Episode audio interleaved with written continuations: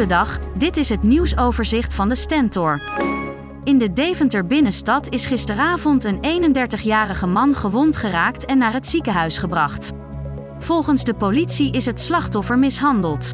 Op straat naast biercafé De Heks lag veel bloed. Er is nog niemand aangehouden.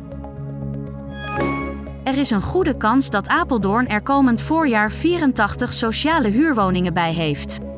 Dit is een bonus naast de gewone huurwoningen die de corporaties laten bouwen. De corporaties maken gebruik van een aanbod van de Rijksoverheid. Die heeft namelijk 2000 flexwoningen laten maken. Bij een grote brand in Reserveen zijn donderdagavond een schuur en een tourcaravan volledig in vlammen opgegaan. Een naastgelegen houten woning en een staakerven liepen flinke schade op. Bij de brand is ook asbest vrijgekomen.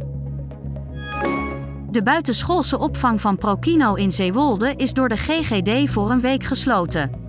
Die opdracht werd dinsdag gegeven. Na onderzoek bleek dat de opvang aan de Kortstil geen verantwoorde kinderopvang kon bieden omdat er onvoldoende personeel aanwezig was.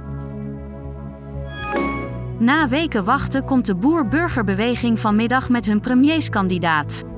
Van der Plas wil zelf geen minister-president worden als de partij de grootste wordt. Het is nog altijd niet duidelijk wie de premierkandidaat wordt. Tot zover het nieuwsoverzicht van de Stentor. Wil je meer weten? Ga dan naar de stentor.nl.